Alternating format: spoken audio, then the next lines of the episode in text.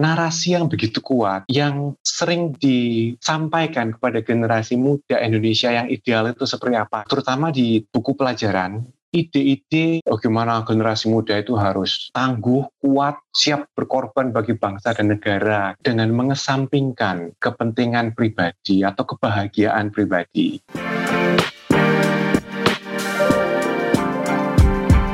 Hai sahabat TCID, kalian sedang mendengarkan podcast Suara Akademia, ngobrol seru isu terkini bareng akademisi. Pada episode ini, kita ngobrol dengan Teguh Wijaya Mulia, peneliti psikologi pendidikan di Universitas Surabaya tentang bagaimana nilai-nilai neoliberalisme dan kompetisi pasar mempengaruhi sistem pendidikan serta kesehatan mental dan kesejahteraan para pelajar dan anak muda di Indonesia. Diskusi ini dipandu oleh editor politik dan masyarakat TCID, Andre Arditya.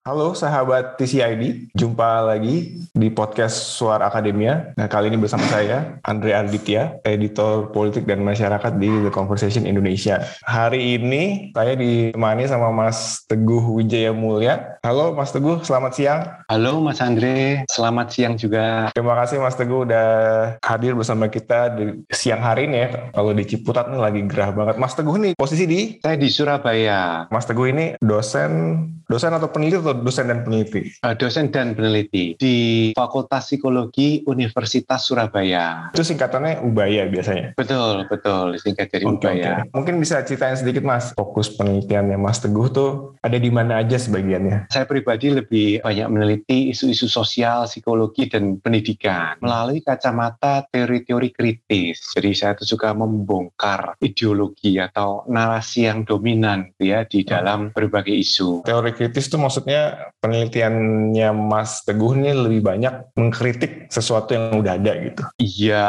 dalam menggunakan teori-teori kritis seperti melibatkan analisis kekuasaan. Jadi melihat ketidakadilan sosial. Nah, itu yang saya maksud dengan perspektif kritis. Kalau penelitian-penelitian yang termasuk recent apa nih mas? Topik-topik yang saya banyak kerjakan itu seputar gender, seksualitas, agama, dan belakangan ini saya banyak menulis tentang kritik terhadap kapitalisme di dalam konteks pendidikan. Kurang lebih minat saya seputar hal-hal itu. Kapitalisme dalam pendidikan menengah, pendidikan dasar, pendidikan tinggi? Saya lebih banyak berfokus ke pendidikan tinggi sebenarnya, tetapi ada satu riset saya yang baru publish itu itu pada pendidikan menengah itu saya meneliti tentang kesehatan mental dan citizenship. Citizenship tuh kewarganegaraan. Jadi pendidikan kewarganegaraan. Pendidikan kewarganegaraan. Jadi maksudnya oh lucu juga nih ya hubungan antara pendidikan kewarganegaraan di sekolah dan kesehatan mental. Betul. Jadi maksudnya gimana tuh Mas? Gimana bisa ada hubungannya antara pendidikan kewarganegaraan di sekolah dengan kesehatan mental? Begini Mas Andri, sering kali memang kesehatan mental itu diteliti dari perspektif psikologi atau psikiatri atau kesehatan masyarakat gitu ya, yang cenderung abai terhadap aspek politik dan ideologi dari pengalaman manusia yang namanya kesehatan mental atau bahagia, produktif, happy dengan hidupnya, -hmm. bisa mengaktualisasikan diri itu kan kondisi -hmm. sehat mental itu seperti itu. Saya dan beberapa teman peneliti dari Inggris ketika mengerjakan proyek ini kami mencoba untuk melihat bahwa ada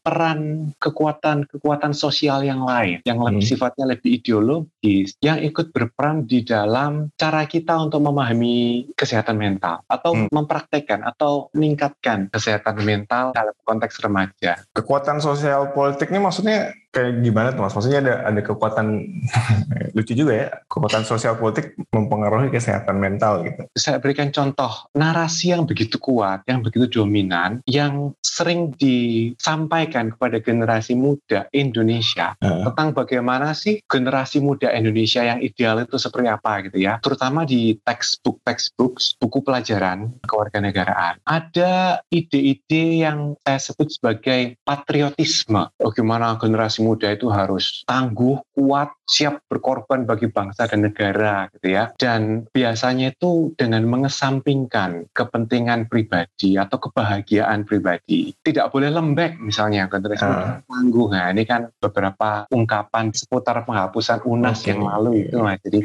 mulai mulai mulai kebayang nih Mas. Jadi oke okay, ada ada tuntutan untuk generasi muda tuh punya karakter-karakter tertentu gitu ya. Betul sekali. Dan karakter-karakter itu mungkin tidak cocok dengan ide-ide seputar kesehatan mental. Potret ideal yang patriotik dan maskulin tadi itu ya, tangguh, siap berkorban itu ya. Itu berseberangan dengan ide-ide tentang kita merawat diri, merawat hmm. kesehatan mental. Nah, hmm. ini yang salah satu temuan kami di dalam studi kami, hubungannya tadi ya, ide-ide tentang kewarganegaraan dengan kesehatan mental remaja. Ini menarik ya. Uh, aku sih baru tahu nih, ya, negara punya peran dalam kesehatan mentalmu gitu kan berarti. Mungkin kalau mau nyari akar masalahnya mungkin bukan mantan kamu gitu. mungkin negara kamu yang bikin kamu depresi gitu. Bukan cuma mantan atau kerja atau kerjaan atau kuliah yang berat gitu. Bisa jadi pemerintah kamu gitu.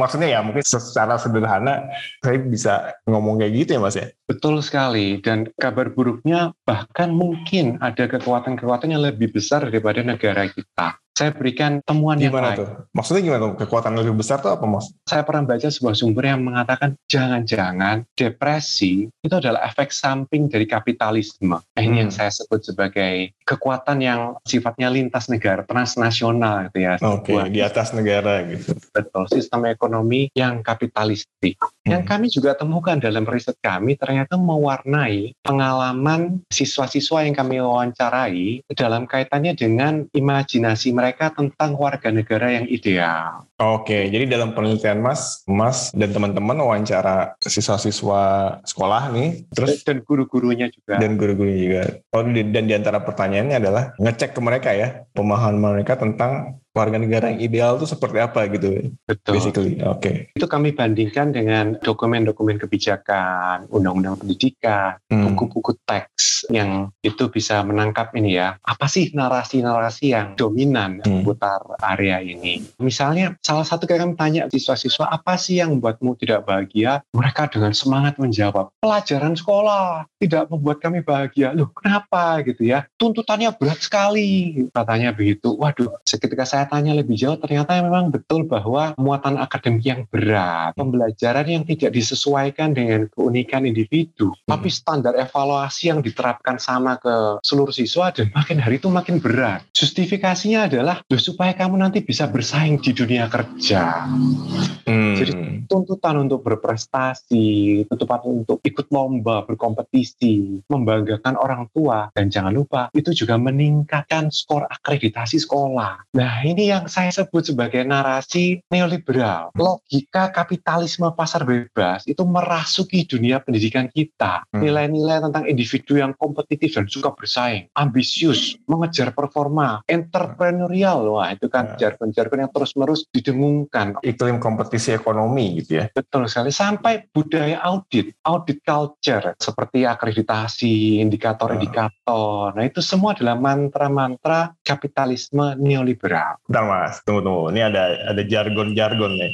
Oh iya. Kapitalisme neoliberal. Mundur sedikit ya mas. Sebenarnya neoliberalisme apakah sama dengan kapitalisme? Atau kalau kalau nggak sama, neoliberalisme itu apa gitu? Jadi kapitalisme itu kan sudah sekitar 300-400 tahun ini ya sejak hmm. zamannya mesin uap ditemukan sampai saat hmm. ini itu sistem ekonomi global kita ini bisa kita sebut sebagai sistem ekonomi yang kapitalis. Di era sekarang ini sering disebut sebagai kapitalisme zaman akhir, late capitalism gitu ya. Ciri-cirinya adalah kalau zaman awal-awal dulu Tuhannya dalam petik gitu ya hmm. yang berkuasa itu adalah pemilik modal. Nah, okay. di masa kini yang berkuasa itu adalah pasar. Kemauan pasar itu adalah yang paling utama. Mekanisme pasar itu adalah yang paling utama. Iklim investasi yang kondusif itu kan sangat diperjuangkan itu ya oleh Mak maksudnya oh. gimana mas? Kemauan pasar tuh bentuknya gimana? Misalnya yang bisa kita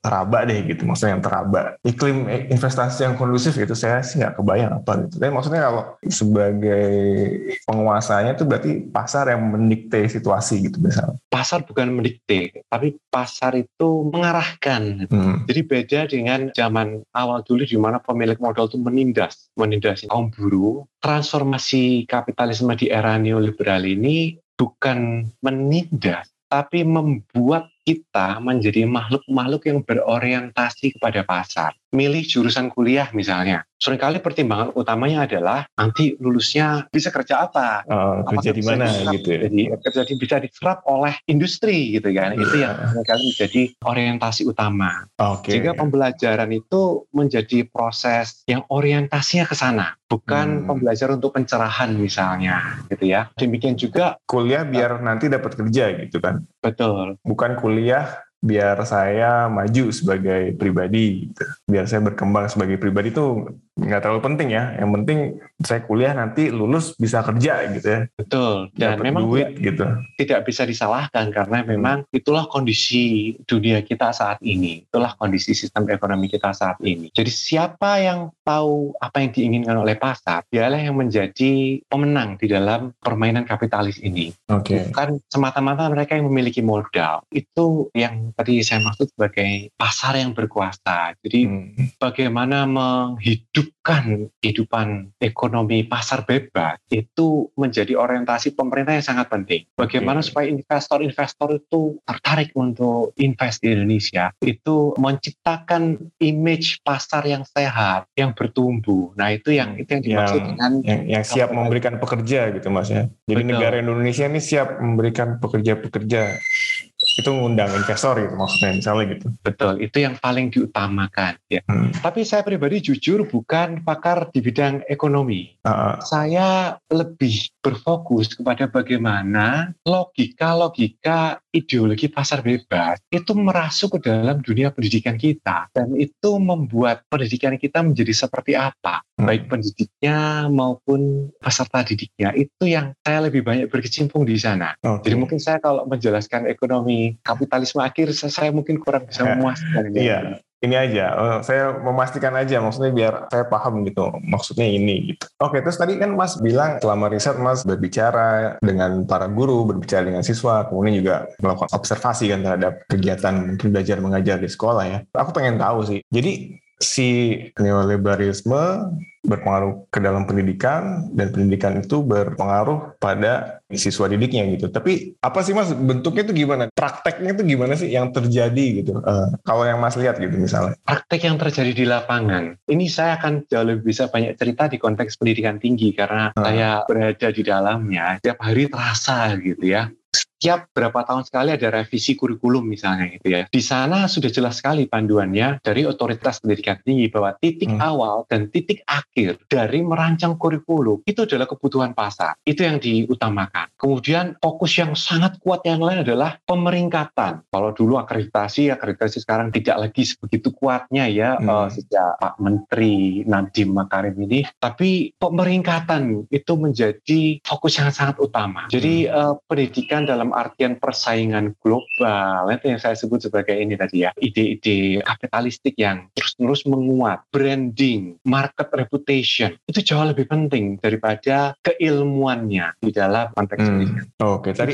kebijakan seputar uh, pendanaan penelitian misalnya hmm. itu kuat sekali dipenuhi dengan istilah-istilah komersialisasi, hilirisasi ilmu, inovasi produk gitu ya. Hmm. Riset sebagai kritik sosial misalnya itu agak kurang laku gitu ya di mata reviewer atau asesor-asesor nasional. Yang laku tuh berarti riset-riset yang nanti bisa dipakai sama pasar gitu. Betul. Oh, Dan okay. celakanya lagi yang saya sebut sebagai vokasionalisasi pendidikan tinggi. Sarjana itu dijadikan tukang. Logika-logika sertifikasi, fokus pada kompetensi atau keterampilan skills gitu ya yang berguna hmm. untuk dunia kerja itu mendapatkan porsi yang makin lama makin besar. Sementara intelektualitas, kecintaan akan ilmu itu menjadi makin terpinggirkan. Drilling, transfer of knowledge and skill itu terus menerus menggema ya menjadi mantra-mantra yang terus menerus disebutkan. Oke, okay. memang fokusnya mas sepertinya memang di pendidikan tinggi, supaya tapi buat memberikan gambaran aja. Kalau di pendidikan menengah SMP, SMA gitu, situasinya seperti apa, mas? Maksudnya dampak ke uh, siswanya tuh yang terjadi seperti apa gitu untuk gambaran aja gitu. Ada sebuah narasi yang begitu membekas di ingatan saya dari salah seorang partisipan siswa hmm. yang saya wawancarai. Dia SMP kelas 8, dia bercerita dengan Bentar mas, aku ini generasi lama nih. Kelas 8 tuh berarti? Kelas 2. Kelas 2, oke. Okay. siap, siap, sorry, ya. sorry, sorry.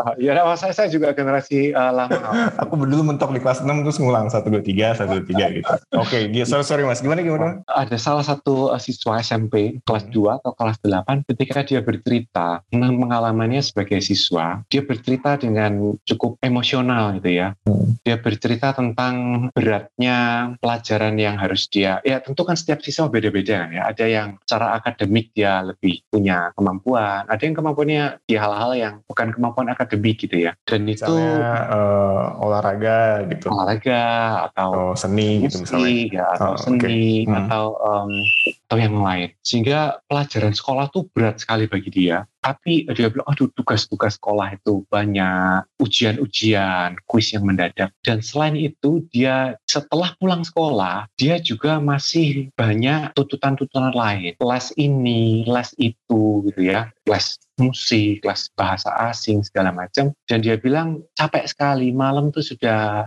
tidak ada waktu untuk diri sendiri mau nyantai itu rasanya sudah terlalu capek. Tapi dengan cepat dia mengatakan bahwa tapi itu semua demi kebaikan saya sendiri. Nah, itu oh, semua untuk masa depan saya. Hmm. Itu semua demi orang tua, demi bangsa saya. Ini adalah sebuah mekanisme neoliberal yang namanya responsibilization. Ketika pemerintah itu mekanisme neoliberal, ne, mekanisme neoliberal, oke. Okay. Eh, betul. Salah satu mekanismenya adalah eh, selain privatisasi uh, layanan publik gitu-gitu. Hmm diregulasi peraturan-peraturan yang menghambat bisnis seperti okay. omnibus law yang lalu itu gitu kan ya. Oh.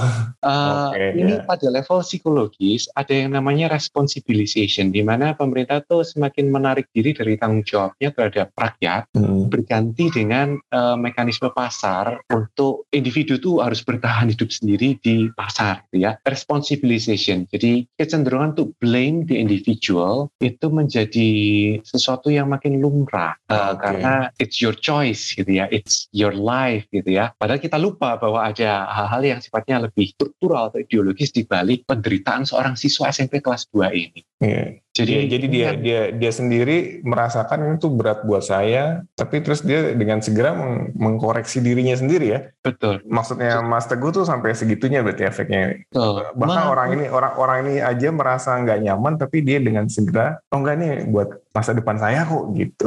Betul. Jadi kesehatan mental itu sesuatu yang tidak perlu dipikirkan gitu ya, atau diabaikan saja gitu ya. Hmm karena ada hal yang lebih penting, lebih perlu tuntutan-tuntutan itu tadi semua, gitu ya. dan itu diinternalisasi oleh remaja. Ini yang bagi saya um, menghentak gitu ya bagi saya karena tidakkah seharusnya semua orang itu punya hak untuk bahagia, hmm. semua orang itu berhak untuk uh, sehat mental, berhak untuk bisa merasa nyaman dan produktif dan bisa mengembangkan dirinya dengan baik, bukan penuh dengan paksaan dan tuntutan dan kewajiban dipenuhi dengan ketakutan masa depan.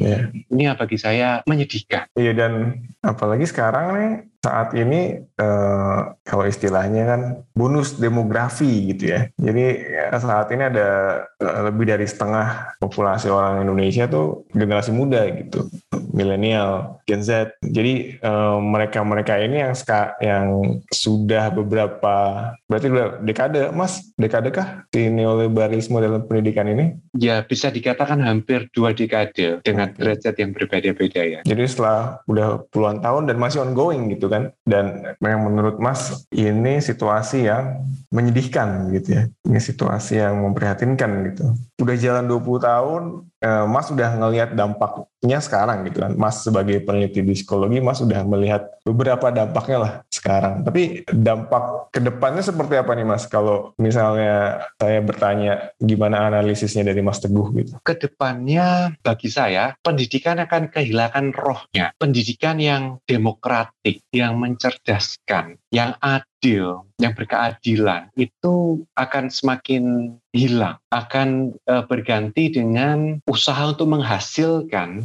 manusia-manusia yang patuh dan penuh semangat untuk mengejar ambisi. Mengejar gaji 25 juta per bulan tuh Mas. Ya? Mas Andrew kok terus terang banget.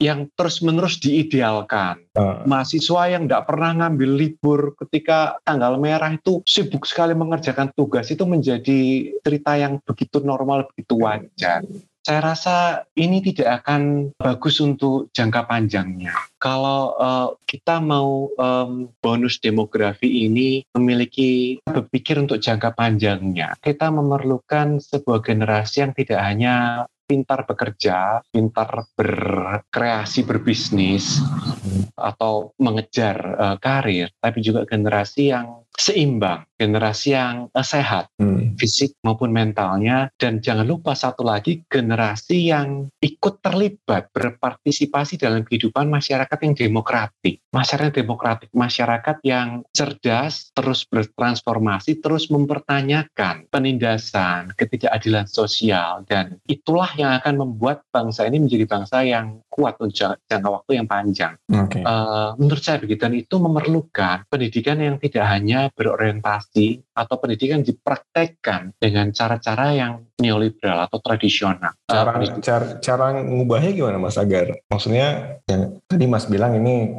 hmm, kekuatannya di atas negara gitu kan, berarti besar sekali gitu. Tapi ada nggak caranya gitu untuk perubahan yang bisa terjadi tuh? Kalau aku ngebayangin kan ini ada raksasanya besar sekali gitu, ngelawannya gimana gitu? Dan itu yang membuat saya kalah kalau berdebat dengan um, manajemen universitas itu karena penjahatnya itu bukan individu atau bukan institusi gitu ya, tapi penjahatnya di level global, level uh, sistem ideologis yang sering kali memang betul uh, Mas Andre. Saya pribadi sebagai peneliti sosial, peneliti kritis itu sering merasa disheartened ya apa sering merasa down melihat apa yang terjadi di dunia maupun di hmm. bangsa kita itu sering kehilangan semangat, sering merasa kayaknya tidak ada harapan yeah. gitu ya. Kayaknya Sisyphus gitu ya mas ya kerjanya itu iya.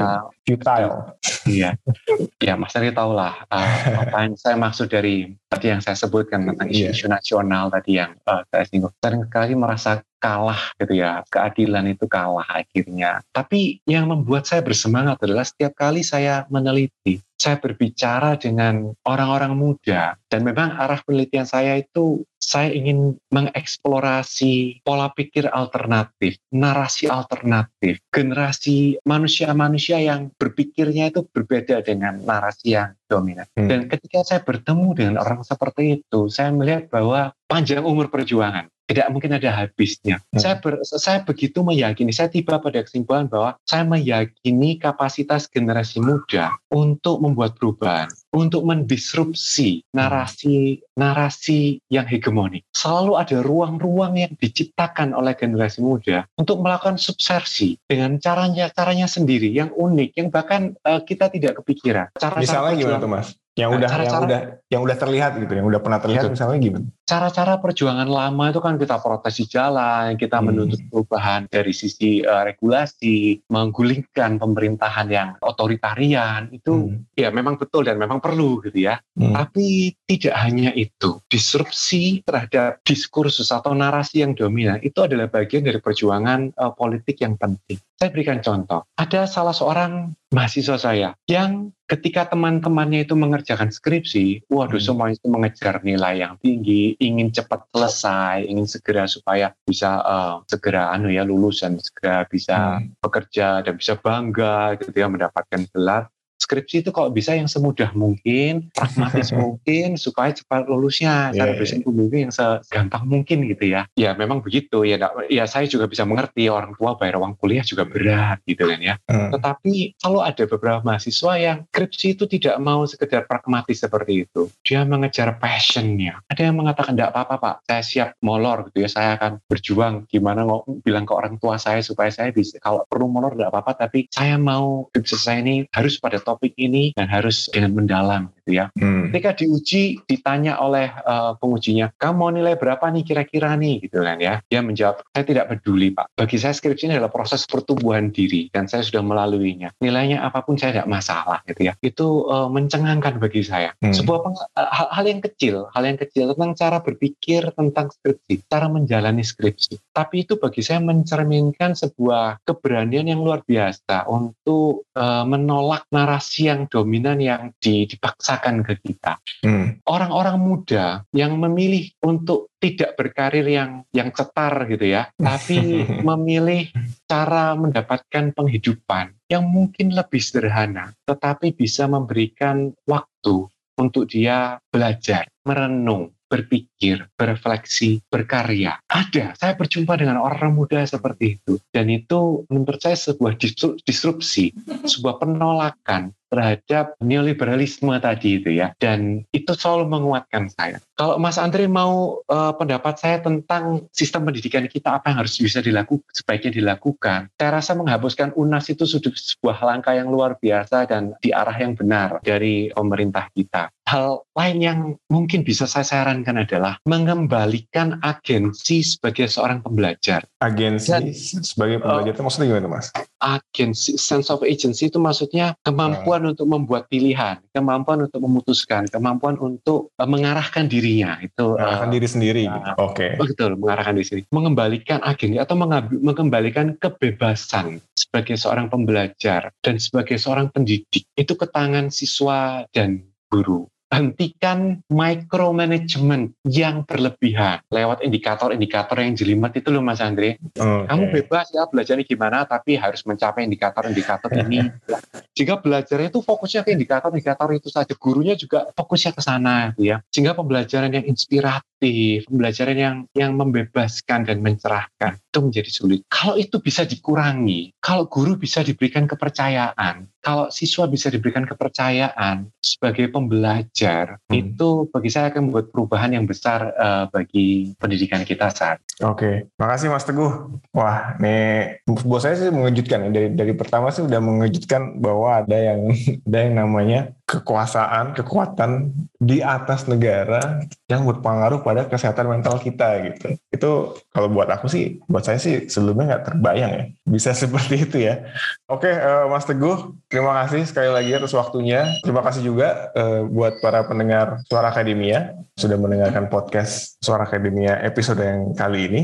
Saya Andrea Aditya bersama Mas Teguh Wijaya Mulia dari Universitas Surabaya. Kita jumpa lagi di episode Suara Akademia berikutnya tentu dengan topik-topik lain yang menarik dan penting. Jangan lupa ikuti terus update-nya, update Suara Akademia dan juga konten-konten The Conversation Indonesia baik di website maupun di media sosial kami. Terima kasih. Kalian telah mendengarkan podcast Suara Akademia, ngobrol seru isu terkini bareng akademisi.